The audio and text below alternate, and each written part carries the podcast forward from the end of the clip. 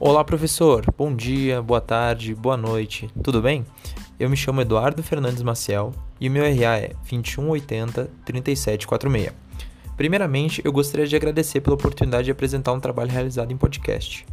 Para muitos, a escrita ainda é uma barreira, e oportunizar o estudante que ele possa aprender num formato diferente é, ao meu ver, grande, um grande passo para a dinamização e o progresso da disseminação do conhecimento.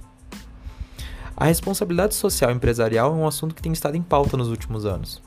Isso porque as empresas sempre foram vistas como uma fonte de renda para o trabalhador, e não como um ente capaz de influenciar o seu ambiente. Nesse sentido, as empresas e os gestores vêm evoluindo a sua concepção a respeito do ambiente empresarial. Isso porque eles notaram que uma cultura negativa no ambiente de trabalho, ela reflete da mesma forma em toda a sociedade. Isso é, uma empresa que polui a cidade em que está sediada, ela acaba gerando um ciclo negativo ao redor de toda a sociedade, visto que ela prejudica todo o ecossistema e ambiente que se situa. Desse modo, percebeu-se que o investimento nos compromissos sociais de desenvolvimento e sustentabilidade a longo prazo são algumas das formas mais garantidas de crescimento, visto que geram um benefício mútuo, tanto para quem trabalha quanto para quem consome os produtos daquela empresa. Assim, devemos entender que quando falamos de responsabilidade social, ela está ligada diretamente à questão do meio ambiente. Isso porque, se uma empresa adotar a responsabilidade ambiental como objetivo, ela vai estar colaborando para o bem-estar social de toda uma comunidade. E para que isso seja implementado, é necessário a consciência ambiental esteja alinhada com todos os demais setores da empresa, para que exista uma, uma espécie de sinergia, uma coerência entre os objetivos dessa empresa. Inclusive, pode-se citar como diversas vantagens, como a adoção da responsabilidade empresarial, como por exemplo, uma imagem positiva frente aos funcionários e consumidores. Vai ter uma diminuição na rotatividade do quadro de funcionários, um aumento de produtividade e engajamento entre os funcionários, além, é claro, de um diferencial competitivo. Afinal, quem não iria preferir uma empresa que possui uma imagem positiva, atrelada a diversas causas sociais, sobre uma empresa que não, não, se, não se sabe a procedência dos produtos e as suas metas?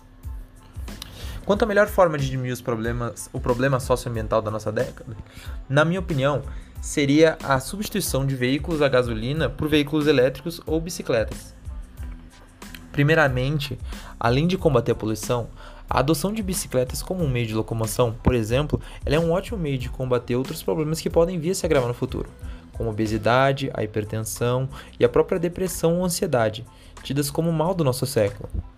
A desvantagem para a adoção da bicicleta como meio de transporte é que aqueles que residem perto do seu trabalho não possuem outra alternativa. E nesse caso, a melhor saída seria a obtenção de um veículo elétrico. Mesmo que eles sejam mais caros a curto prazo, no longo prazo, ele, por eles utilizarem uma energia renovável, ele se pagaria facilmente. E para concluir, eu entendo que uma vez que uma empresa ela adote uma concepção, uma visão é, social e em relação ao meio ambiente, ela automaticamente vai estar tá influenciando esse empregado a adotar isso na, na forma como ele leva a vida dele. Então, por exemplo, uma empresa que está alinhada com a questão do meio ambiente, é óbvio que ela vai estimular um empregado a adotar essa questão também. Ou seja, isso acaba gerando um ciclo. Aquele que está numa empresa saudável vai querer ter uma vida saudável. E assim eu concluo meu trabalho. Muito obrigado, professor.